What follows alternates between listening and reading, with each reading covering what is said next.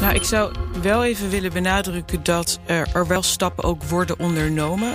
Uh, binnen de EU heb je nu een aantal projecten zoals Twister, waarin specifiek, specifiek wordt gekeken door een groepje landen onder leiding van Frankrijk naar hoe we uh, verdedigingssystemen kunnen ontwikkelen die met name tegen ballistische raketten, kruisraketten, maar ook de nieuwe hypersone wapens verdedigen.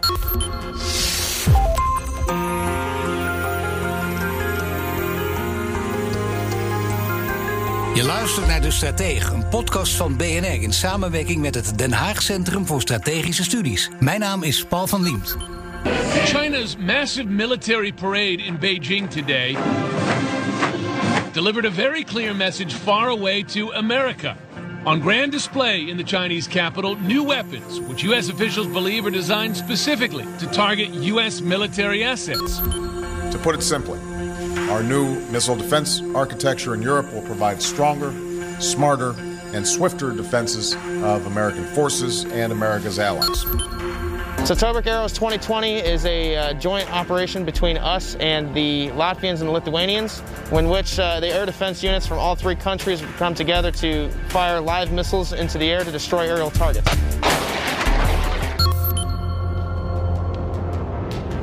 De tijd waarin landen als de Verenigde Staten en de Sovjet-Unie elkaar aftroefden met kernwapens leek achter ons te liggen.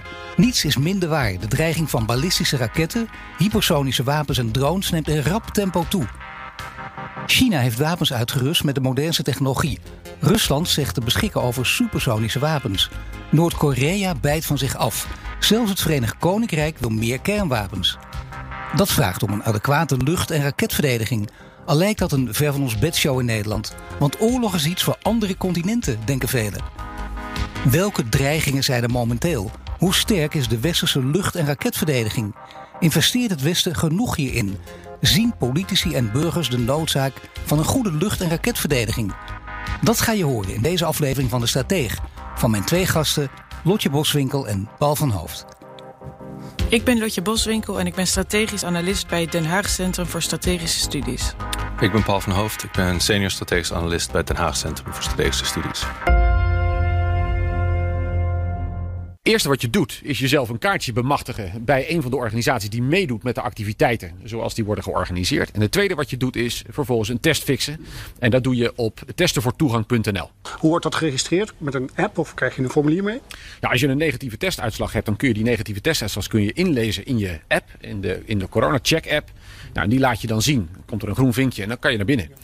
En, uh, en dan kun je dus met een negatieve testuitslag naar binnen. Maar als je een positieve testuitslag hebt, dan ga je naar de GGD. En dan zorg je dat je je daar laat testen en zo snel mogelijk in quarantaine gaat. Ja, jullie hoorden demissionair minister Hugo de Jonge van Volksgezondheid voor de Kamer van de NOS. Het kabinet begint nog deze week met proeven met toegangstesten voor plekken als eh, musea, theaters, dierentuinen, attractieparken, casino's, sportaccommodaties. En uh, daar moet je wel een negatief sneltestbewijs bij hebben. Uh, wat zouden jullie graag willen bezoeken? Als ik nou de keus laat tussen de Keukenhof, uh, Feyenoord, Vitesse of Artis. Waar zou jij het liefst naartoe willen, Lotje? Dan zou ik het liefst naar Mag ik ook de kroeg zeggen?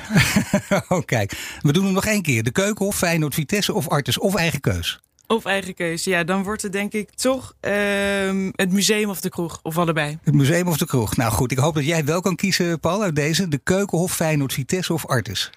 Um, ik dan zou ik kiezen voor de um, Keukenhof. Maar dat is meer omdat mijn vriendin al een paar jaar heen wil.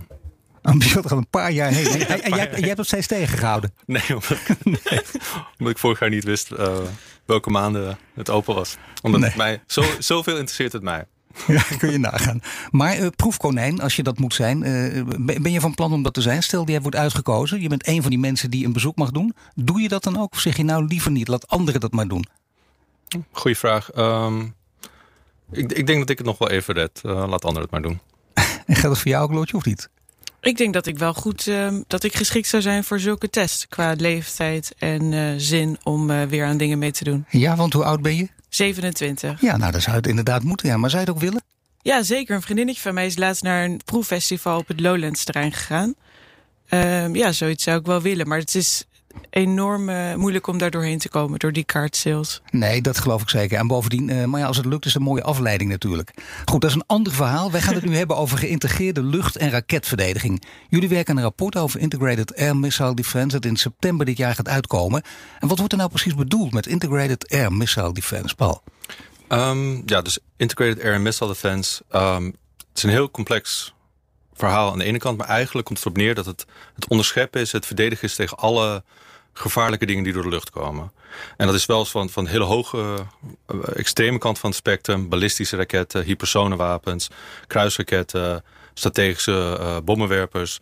naar onbemande vliegtuigen en helemaal onder, aan uh, guided rockets en artillery. Dus, dus heel breed. Heel, heel, breed. Heel breed. Dus eigenlijk al, alles wat gewoon gevaarlijk is dat door de lucht komt. Maar dat kan zowel voor afstanden zijn die hele continenten omspannen... als op uh, tientallen kilometers. Nou snap ik dat het groot en breed is. Alleen waarom is het nu zo urgent? Want veel mensen denken, we hebben toch hele andere dingen aan ons hoofd. Het gaat nu over klimaat, over digitalisering, het gaat over eh, corona. Waarom is dit nu zo urgent, uh, Lotje? Waarom is dit nu zo ongelooflijk belangrijk?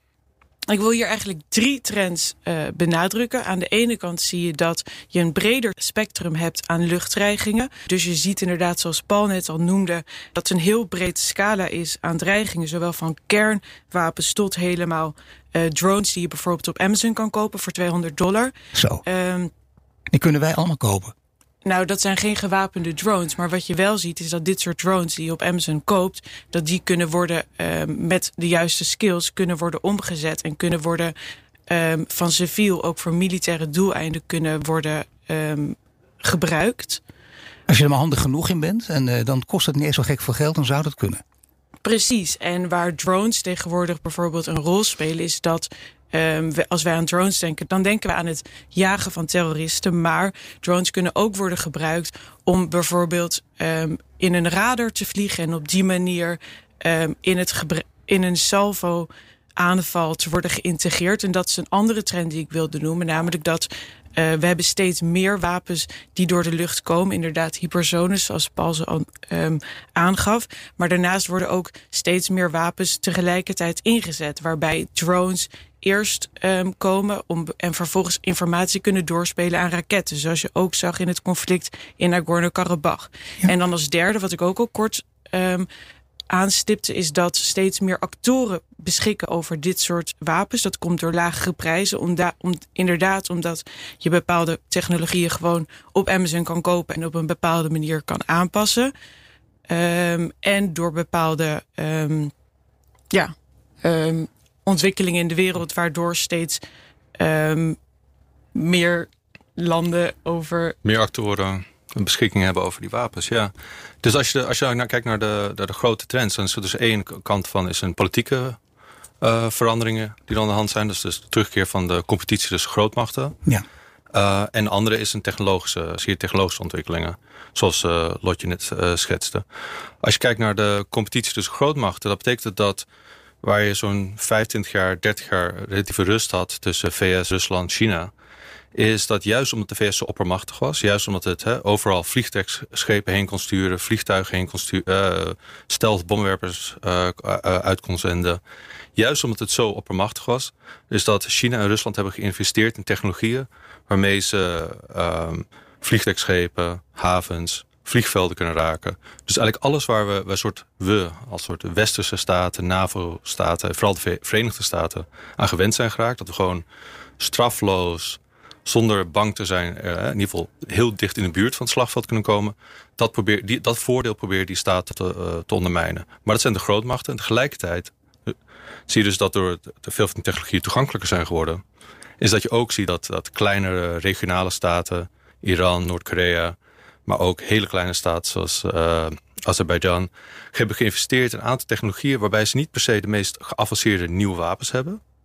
Maar een aantal wapens die ze al hadden, beter of in ieder geval effectiever kunnen gebruiken. En dat zag je dus vooral in de Korne-Karabakh. Waarbij het slagveld, eh, allemaal traditionele middelen om je te verbergen, om je te beschermen, veel minder goed werkte. Omdat alles, eigenlijk alles zichtbaar was. Dus ik mag gewoon zeggen, juist omdat het zo breed is... en dat er ook heel veel kleine spelers zijn bijgekomen... en dan natuurlijk ook nog uh, ja, staten en niet-statelijke actoren... IS bijvoorbeeld, uh, terreurgroepen... dat het echt breed en groot is, daar de urgent... misschien ineens in het spel is weer op de wagen. Laten we even luisteren naar één vertegenwoordiger van die, van die grote staten. На сегодняшний день у нас уникальная ситуация в нашей новой и новейшей истории. Догоняют нас. Ни в одной стране мира нет гиперзвукового оружия вообще, а гиперзвукового оружия континентальной дальности тем более. Nou, die stem die herkennen jullie vast. Het is uh, Vladimir Poetin. Eind 2019 was dat. Hij pocht dat geen land zulke sterke hypersonische wapens heeft als zijn eigen land Rusland. En als het waar is wat hij zegt, welke ontwikkelingen, en dat bedoel ik uh, zeker als het gaat over dreiging van landen, maar ook terreurgroepen, technologie, welke ontwikkelingen zien jullie op het gebied van die aanvallende raketten en wapens? Want hij zet zichzelf als een heel sterke speler neer. Maar zijn de ontwikkelingen nog breder? Want je hebt al die staten net ook genoemd, ook de kleintjes, uh, Paul. Maar inderdaad, ook uh, de niet-statelijke actoren, welke zijn dat vooral, die, die nu in opkomst zijn door deze ontwikkeling? Um, het is inderdaad een heel breed, heel breed spectrum aan, dreigingen. Um, je ziet vooral dat de grootmachten zich richten op raketten en dus veel meer systemen. Dus, dus drones, zoals Lotje ook net zei. Drones die het makkelijker maken om doelen te vinden. Radarsystemen die beter zijn geworden. Uh, satellieten, die, waar ook alle grootmachten meer satellieten hebben. Dus ook het slagveld of de doelen beter in kaart kunnen brengen. En de systemen hebben om al die informatie te integreren. Dus dat zie je aan, aan, de, aan de ene kant van het spectrum. Aan de soort ja, niet-statelijke actoren of, of uh, kleinere staten zie dus uh, geïmproviseerde kruisraketten, geïmproviseerde drones, drones die informatie geven aan artillerie, voor artilleriebeschietingen. Het is, het is vooral dat soort de toegang tot verschillende middelen die als je slim bent en creatief bent, dat je daardoor opeens stuk, veel, veel stukken effectiever kan zijn. En dat zijn dus heel veel spelers die dat kunnen. Betekent, uh, uit alle hoeken, overal, loert het gevaar. Hè? Dan is het noodzakelijk om als land of als bondgenootschap... ook een hele geavanceerde lucht- en raketverdediging in huis te hebben. Is dat nu echt een, een, een bikkelharde noodzaak, of niet, Lotje? Uh, ja, dat kan je zeker wel zeggen. Uh, we hebben net um, geschetst hoe de dreigingen uh, vanuit verschillende hoeken en op verschillende niveaus aan het toenemen zijn. En um, daarmee uh, kan je de conclusie wel trekken dat het dus ook steeds belangrijker wordt om daartegen te kunnen verdedigen. Je ziet dat na de Koude Oorlog er eigenlijk onder geïnvesteerd is in dit soort systemen. En dat je daardoor nu ziet dat er gaten vallen op eigenlijk heel veel niveaus. Uh, zoals Paul al eerder noemde, heb je dus um, op verschillende niveaus dreigingen. Wat betekent dat je dus ook een heel breed scala aan systemen hebt. Zoals, en dan ga je dus inderdaad van grote land-based systemen zoals de Patriot. Maar ook um, systemen die je gewoon op je schouder kan dragen.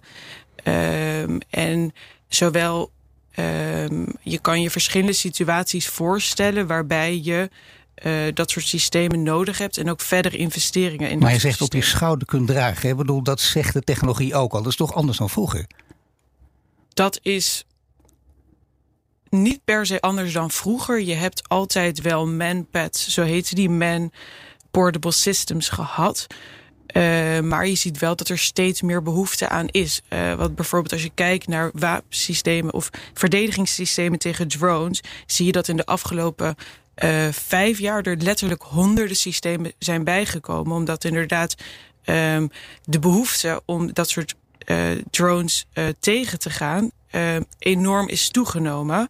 Um, juist ook omdat grotere systemen, zoals bijvoorbeeld de Patriot, die we hier allemaal de meeste van ons wel over hebben gehoord, um, dat die niet altijd um, adequaat kunnen reageren op, op dat soort dreigingen, omdat die zo anders zijn dan bijvoorbeeld een ballistisch of een kruisraket. Mag ik toch ja. even naar die, naar die geïntegreerde, Paul, naar die geïntegreerde lucht- en raketverdediging uh, in brede zin? Hè? Misschien even de drones daar uh, weglaten. Is het dan niet heel erg old school in de zin van we vechten allemaal online met elkaar, het gaat alleen nog maar om cyberspace?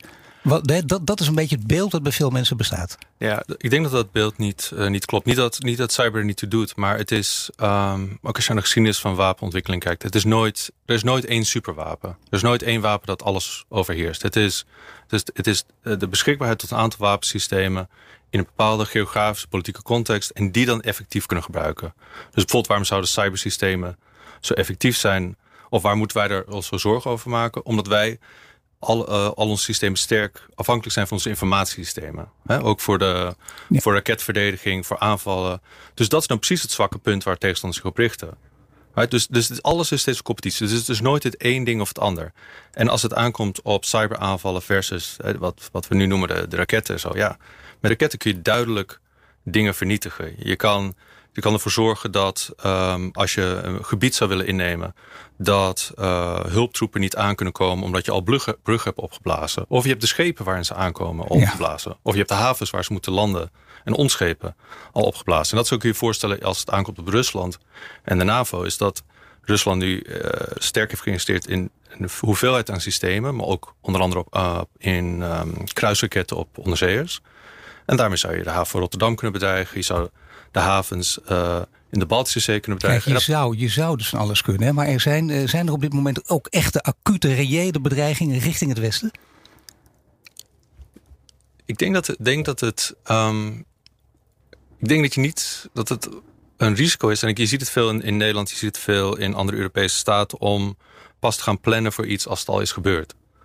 Kijk, als, in, het, in dit geval, hè, als, als wij weten en als Rusland weet dat Amerikaanse troepen die nooit uh, snel genoeg in Europa aan kunnen komen vanuit de VS, omdat ze bedreigd kunnen worden terwijl ze uh, op hun transportschepen zitten. En dit risico is een stuk groter geworden nu de VS zich vooral richt op Azië. Als die schepen daar de kans erop steeds kleiner wordt dat ze dat veilig kunnen doen of dat het in ieder geval langer gaat duren, dan is opeens de verdediging van de Baltische Staten een stuk moeilijker. Ja, maar dit, is, dit, dit, kan ik bijna vergelijken met, met wat voor bedreiging ook op je af kunnen komen. Je kunt er bijna niet voor zijn. Dus het is, het is toch afwachten tot er een ongeluk gebeurt en dan. Ik noem maar wat.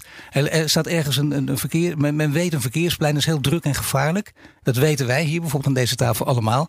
Maar we, we zetten er pas een stoplicht neer op het moment dat er een dood is gevallen. Is dat het dan of gaat het niet zo erg die kant ik, op? Ik denk dat het, het hoeft niet zo te gaan. Het, uh, maar dat, dat is een politieke beslissing. Dat, Er is niks aan het, aan het tegenplaatje dat, je, dat suggereert dat je reactief moet zijn. Uiteindelijk, als, als het moeilijk, des te moeilijker het is voor de aanvaller, voor, voor, voor, voor een staat of een andere actor om agressie te gebruiken, om te weten dat het resultaat van een stuk lager is. Omdat je jezelf kan verdedigen. Dus de minder snel ze agressie zullen ondernemen. Nou, we hebben al heel eventjes uh, de NAVO genoemd. Uh, nog niet in brede zin, daar gaan we eens wat langer over praten. Even hier naar luisteren. The Patriot system is capable of, of destroying ballistic missiles.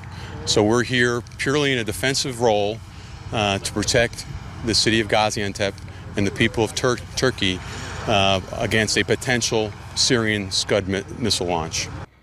Ja, Lotje, dat was een NAVO-woordvoerder in 2013 bij de stationering van Amerikaanse Patriot-raketten in Turkije. En dat was allemaal 43 kilometer van de Syrische grens. Drie NAVO-landen, namelijk de Verenigde Staten, Duitsland en Nederland, die waren betrokken bij de operatie ter bescherming van ongeveer 3,5 miljoen Turken ging het toen om. Ja, die goede oude Patriot, die kennen we de Eerste Wereldoorlog, 1991. Uh, is dat nu nog steeds een goede trouwe NAVO-dienaar, de Patriot? Ja, dat zou ik willen zeggen van wel. Zoals je inderdaad ziet uit dit voorbeeld van Turkije... Uh, wordt het nog steeds op die manier gebruikt. Uh, het is overigens niet het enige systeem dat we in Europa hebben. Je hebt ook de Frans-Italiaanse versie daarvan, de SAMP-T... Uh, wordt ook gebruikt en die hebben zij ook ehm, de afgelopen jaren uh, in Turkije ter bescherming ehm, tegen Syrische dreigingen neergezet. Uh, wat je wel ziet is dat Patriot tegenwoordig onder druk komt te staan door uh, deze complexe meer salvo aanvallen waar bijvoorbeeld drones samenwerken uh, met raketten of bijvoorbeeld wat je zag in de in de oorlog um, in Jemen is dat op een gegeven moment een um, een een Houthi uh, drone in de radar van een, van een, van een Patriot systeem van de Verenigde Arabische Emiraten is gecrashed. Uh, waardoor die eigenlijk geblindeerd werd voordat er um, een, een rij raketten overheen kwam. Dus je ziet wel dat de Patriot-systemen steeds of momenteel uh, kwetsbaarder zijn. Um, en je kijkt dan ook naar kostenverhoudingen die tegenwoordig scheef zijn getrokken. Zo is, ja, dat is niet bekend welke bondgenoot dat was. Maar in 2017 is, kwam het nieuws, kwam het bericht naar buiten dat een uh, bondgenoot van Amerika met een Patriot systeem een drone van zeg maar 200 dollar had onderschept uh, met, een, met een interceptor, met een, met, een, met een raket van 3 miljoen dollar. Dus dat is natuurlijk compleet uit verhouding. Ja, nee, dat is inderdaad totaal andere verhouding. Mag ik dan de algemene vraag stellen? Hoe staat de NAVO ervoor in die ontwikkeling van lucht- en raketverdediging? Die hele brede ontwikkeling zoals jullie die geschetst hebben. Nou, ik denk... Um... Oh ik denk wat zwakker. Um, veel zwakker dan, eigenlijk dan, dan het zou moeten zijn. Juist omdat we drie decennia ervan uitgingen dat we dat soort problemen niet meer hadden. Ja. Dus de, waar we geïnvesteerd hebben, voor zover we ergens in hebben geïnvesteerd, is het onderscheppen van een, een, klein aantal, met het scenario van een klein aantal ballistische raketten die uit het Midden-Oosten richting Europa zouden komen. En in de verdediging van troepen die uitgezonden waren op missies. Maar het hele deel van het spectrum dat daartussenin zit, hebben we eigenlijk verwaarloosd omdat de dag er niet meer nodig was. Nou ja, dat is eigenlijk een beetje het verhaal tot nu toe. Hè? Dat we dat verwaarloosd hebben. Dat we daardoor dachten, oh, dat is ook niet meer urgent. Dat doet er niet toe. Wat eerder gezegd ook een beetje mijn hoofd. Dat was het beeld. Maar jullie zeggen, en waarschuwen duidelijk. Hè? Dat is bepaald niet het geval. Gezien deze ontwikkelingen. Trouwens ook dat hele mooie voorbeeldje over uh, de totaal scheefgetrokken verhoudingen op financieel gebied hier. Nee, kijk, je kan ook denken aan... Um, juist hè, Rusland, China, maar ook Iran hebben heel erg geïnvesteerd in die, in die raketten om te zorgen dat uh, de Verenigde Staten, andere NAVO-staten niet in hun buurt kunnen komen. Ja. Dus als het gaat om. Eh, dus je kunt, je kunt het zelfs vertellen als uh, dat veel van onze van de Europese schepen maar zoveel vertical launch system cells hebben. Wat betekent dat ze maar zoveel luchtverdedigingsraketten bij ze kunnen dragen. Nou, kun je je voorstellen als er een paar. Hè, dus als bijvoorbeeld uh, een, een, een luchtverdedigingsvergat met een vliegtuigschip meevaart. En dat vliegtuigschip moet beschermen als daar 1, 2, 10, 20 raketten op afgeschoten worden. En een onderscheppingssucces uh, is nooit 100%. Dus je stuurt er een paar extra mee elke keer. Dan gaat het heel snel ben je door je, ben je, door je verdedigingssysteem heen. En dan zal je helemaal terug moeten varen naar een haven om het opnieuw op te laden. Dus dit, gaat, dit, gaat nogal, dit zal nogal snel gaan. En als je denkt, als dit niet de moeite waard is om te investeren, dan betekent het wel dat, dat er een offerschip zometeen in de staat van Hormuz of in de Zuid-Chinese Zee uh, ja, op, de, op de bodem ligt.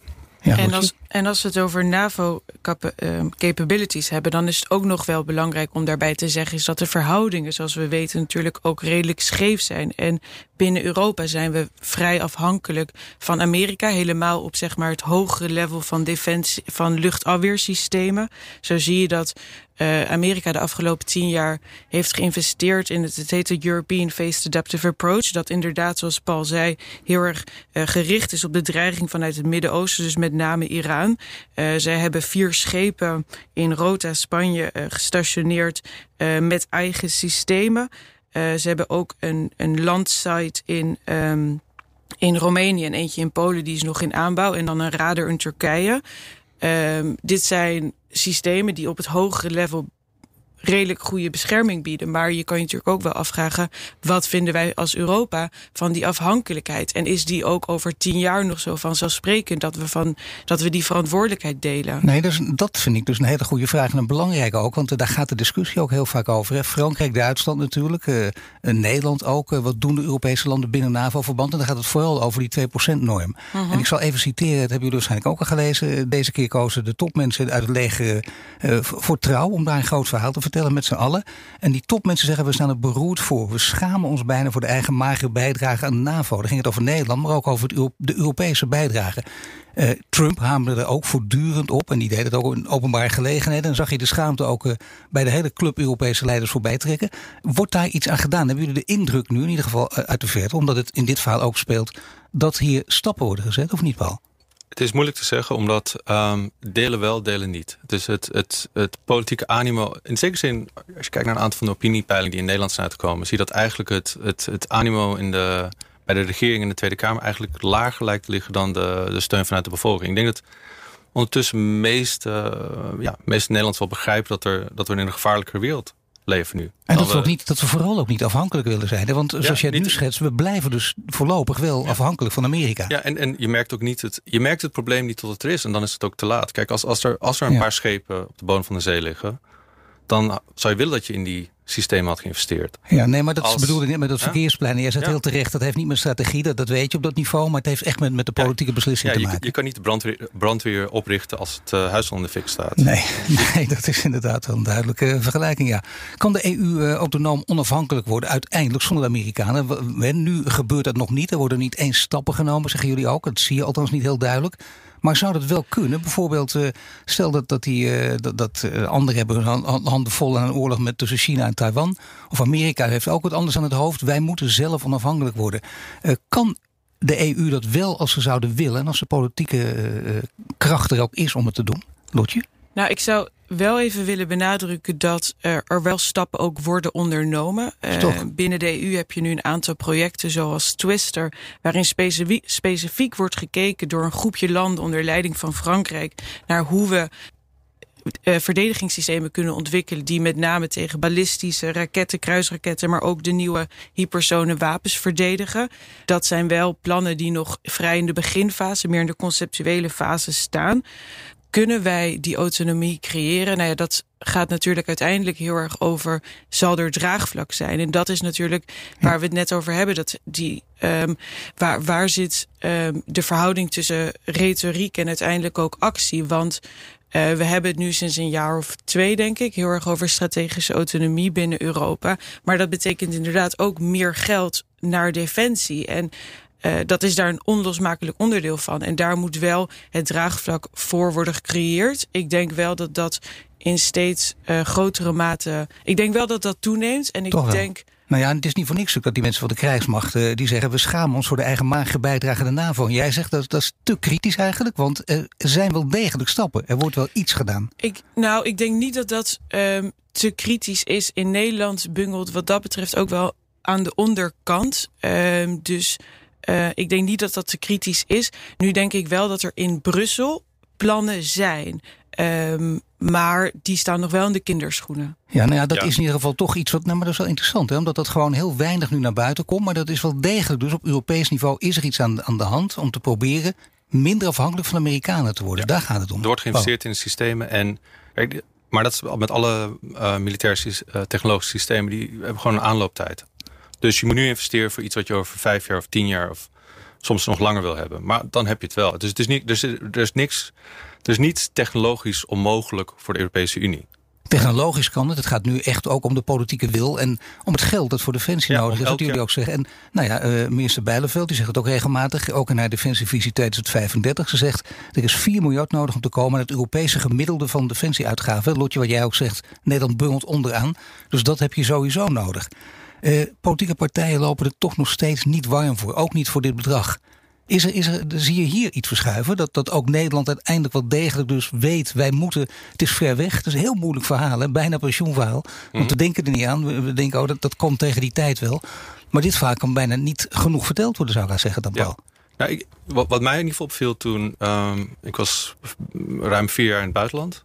Uh, dat, dat verschil tussen um, 2016 en 2000, eind 2020 toen ik terug was... dat daar nog een groot verschil was in de discussie die er in Den Haag was. Dus dat op de ministerie, bij de meer politieke discussies... Um, dat er wel een besef is bij veel meer mensen... dat, er, dat de wereld echt nou, dat de wereld echt radicaal veranderd is. Dat het in de fik staat. En dat we het ook echt gedeelte van zelf moeten oplossen. Maar, ja, zo hard is. Nou ja, dat, is, dat pas een boodschap. Nog even. De wereld staat in de fik. Dat, is, dat is wel in vier jaar tijd in ieder geval doorgedrongen. Ja, dus. maar, maar kijk, wat, wat denk ik misschien ook als probleem hebben nog in Nederland. Is dat we nog niet de. We hebben niet de grammatica. We hebben niet de vocabulaire om hier goed over te praten. Dus de, de, de concepten zijn framed. Het klinkt allemaal oorlogsmennend. Het klinkt allemaal eng klinkt allemaal heel ver weg of het klinkt gedateerd. Hè.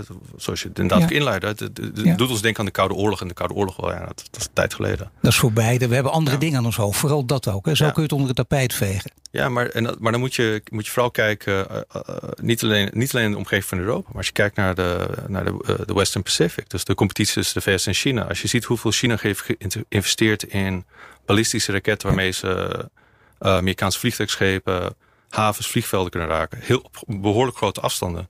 Dat betekent dat je ziet de paniek bij Amerikaanse planners. Je ziet nog niet per se in de openbaarheid. Maar als je de, de stukken gaat lezen, je ziet steeds de, hoe, wat moeten we doen? Moeten we er honderden schepen bijbouwen? We moeten onbemande schepen erbij bouwen. Misschien moeten we onze basis nog verder terugtrekken.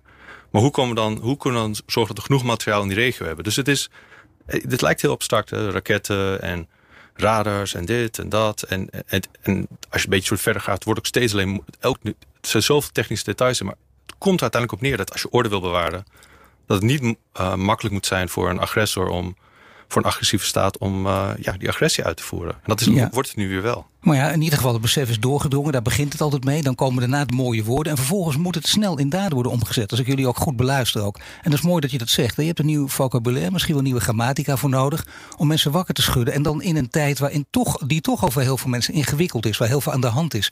Defensie zal dat moeten doen. En vooral moet je dan als we kijken naar Nederland. Want als je kijkt naar Nederland, wat hebben we in huis aan lucht- en raketverdediging?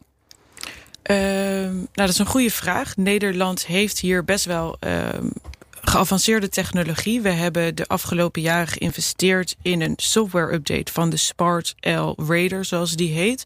Waarmee we eigenlijk binnen Europa ehm, de enige zijn met een, met een radar die tot 2000 meter de lucht. Oh ja.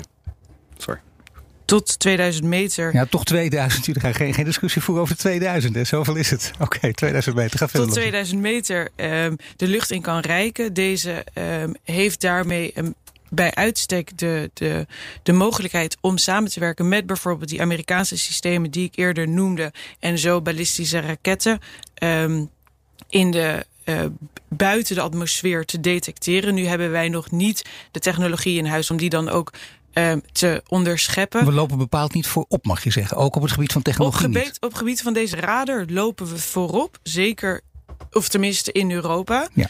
Uh, maar over het algemeen, ja, we zijn natuurlijk een klein land. Uh, we hebben vier radars op. We hebben zeg maar, we hebben vier radars op schepen, waarvan er eentje nu uh, die software update heeft gehad. We hebben er twee op land. We hebben Patriot batterijen. Sorry, Paul. Ja, nee, ik denk dat dat precies wat Lotje nu zegt, dat, dat, dat is precies wat, waar het pijnpunt zit. Het is niet dat we niet geavanceerde technologie hebben. Daar lopen ze zelfs voorop. Maar onze defensieuitgaven, daar lopen we onderaan. Maar, maar als we maar vier schepen hebben, ja. Kijk, dan hebben we weinig ruimte om het in te zetten. En dat is precies waar, waar, waar je op, op doelde. Daar, daar heb je niet zoveel mogelijkheden om maar dingen Maar wat zou dat in een, in een samenwerking in NAVO-verband of een Europese samenwerking dan kunnen brengen? Dat Nederland de technologie inbrengt en dat, uh, dat andere landen meer betalen? Dat je bijvoorbeeld daar iets uh, afspreekt met elkaar? Kan het die kant op gaan, Lotje? Nou ja, wat je ziet is dat um, uh, wij hebben die technologie ontwikkeld. Tenminste, dat heeft Thales gedaan. Dat is een Nederlands-Frans bedrijf. Uh, maar Nederland heeft daar ook mee in geïnvesteerd. En je ziet wel dat nu de Denen en de Duitsers ook aan het nadenken zijn om die, om die extended uh, radars uh, aan te schaffen. En op die manier um, kan je het kan je natuurlijk wel gezamenlijk uh, je capaciteiten vergroten. Weten jullie zo ook uh, hoeveel uit het blote hoofd, hoeveel Nederland erin steekt? Hoeveel geld Nederland hier nu al in steekt? Nou, ik heb even dit opgezocht van tevoren. ik vind het niet heel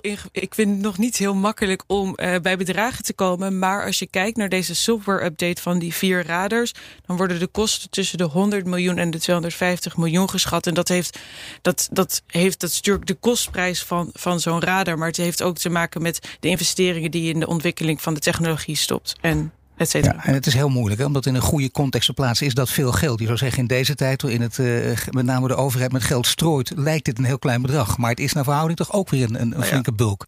Oh. Ja, dat is weer die moeilijke afweging. Kijk, bij Defensie lijkt alles uh, extreem duur. Maar ja, als, als je kijkt wat je ermee beschermt en wat de kosten zijn als, als je geraakt. Kijk, zo'n software update. Wat, wat je ziet nu bij, en dat is moeilijk om daar precies de, de, de vinger op te leggen. Maar wat je ziet bij heel veel van de systemen die nu bestaan, is dat ze eigenlijk moeilijk met elkaar kunnen praten. dus dat, de, dat niet. Dit dus, dus je hebt allemaal verschillende radarsystemen. Je hebt ze in de ruimte, je hebt ze op de grond, je hebt degene die rondvliegt, je hebt van bondgenoten. En eigenlijk wat je wil, is dat, dat je al die informatie goed en efficiënt bij elkaar kan brengen. Want dan heb je een volledig plaatje en dan zie je de dreiging eerder, beter en dan kun je, het, kun je hem tegenhouden. Ja, dat betekent wel dat je dat vocabulaire, dat begint zich al een beetje te ontwikkelen, ook in mijn hoofd. Mhm. Je zult het moeten praten over verdedigen van je eigen systeem, van je eigen uh, belangrijke democratische waarden. En dat daar wat tegenover moet staan. En dat dat een tijd lang uh, aan het vizier onttrokken is, maar dat dat nu weer zich volledig uh, in, in ons gezichtsveld openbaart. Ja, nee, dat, je, je, je kan allemaal, je kan zoveel scenario's bedenken waarbij, waarbij je zelf niet de, de, de problemen zou opzoeken en dat je nog steeds deze systemen nodig hebt. Toch heb ik even rondgekeken. Hè. Kijken hoe, hoe denken mensen hierover. En daar kun je duizenden mensen over spreken. Daar hadden wij de tijd niet voor. Maar gewoon aan wat mensen vragen. En die roepen dan allemaal. Of ik denk mensen die zijn op alle gebieden goed ontwikkeld. Die zeggen, ach kijk, oorlog speelt zich af in het Midden-Oosten, in Afrika. Uh, dat speelt zich af in Oost-Oekraïne. Waar moet ik als burger zeggen, Nederland moet investeren in lucht- en raketverdediging. Want het, ondanks dit verhaal van jullie, en we worden wakker geschud. Denk je toch, ja, het gebeurt daar vooral. Lotje, je kunt je niet voorstellen, eigenlijk net als met een pandemie, die overkomt ons niet. We waanden ons onkwetsbaar. Is dit gevaar in zekere zin net zo groot? Ja, um, want zoals je al noemt, um, we ontkomen niet aan een pandemie. Je, we ontkomen ook niet aan conflicten in het Midden-Oosten. Dat weten we sinds 2015, sinds de migratiestroom maar al te goed. Uh, we leven nu eenmaal in een globaliserende wereld. Um, als ik iets over het Midden-Oosten zou zeggen dan... je ziet dat luchtafweersystemen een enorme rol spelen bij het conflict in Jemen. dat in nog nooit eerder in een conflict hebben, zijn, zijn dat soort systemen zo vaak um, in actie gekomen. Je ziet dat groepen um, en landen dus ook steeds geavanceerdere wapens hebben en steeds preciezer. En bijvoorbeeld in Jemen, uh, Houthis zouden nu ook al uh, met hun wapens bijvoorbeeld de, het Suezkanaal uh, kunnen bereiken. Ik zeg niet dat ze dat gaan doen. Nee. daarvoor, maar zeg maar dat, om wel even in kaart te brengen van ook Nederland vaart. Nederland heeft daar belangen, zoals we ook weten sinds twee weken geleden ehm, de Ever Given daar geblokkeerd zat. Dus ja, ja tuurlijk. Ook wat daar plaatsvindt, heeft impact op ons. Paul, tot slot. Uh, ja, je kunt er bijna niet meer een, nog zwaardere woorden aan toevoegen. Want we worden ook, voor je het weet, sneller dan je denkt, misschien wel in een oorlog getrokken. En die globaliserende wereld die blijft bestaan, ondanks alle kritieken, die gaat voorlopig niet weg. Dus reden te meer om daar wat aan te doen. Wie moet er vooral worden wakker geschud, denk je? Want ook op dit veld zijn er heel veel spelers.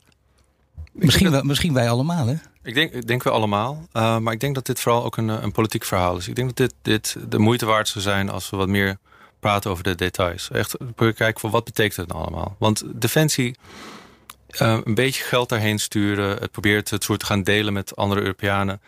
Is dat om kosten te besparen of om effectiviteit te vergroten? En als we het nooit over hebben dat dit een daadwerkelijk nog steeds een gevaarlijke wereld is... dat de prijs die we betalen om voor onze veiligheid te zorgen... uiteindelijk vergeleken met alles wat we verder uitgeven... relatief laag is, historisch laag is, historisch laag kan blijven... maar dan moeten we het wel blijven betalen. Als we dat niet doen, Kijk, de, de wereld is, het grootste deel van de menselijke geschiedenis is gewoon chaos, wanorde. En het zou fijn zijn als we, dat, uh, als we daar toch, weer, toch in ieder geval een, uh, een goede eeuw weer kunnen uitstellen. Nou, over nieuw vocabulaire gesproken. We kunnen dit zinnetje misschien wel, of dit stukje gewoon apart eruit knippen. Dan hebben we alvast een mooi begin gemaakt. Ik dank jullie voor dit gesprek. Uh, Lotje Boswinkel en Paul van Hoofd, strategisch analisten bij Den Haag Centrum voor Strategische Studies.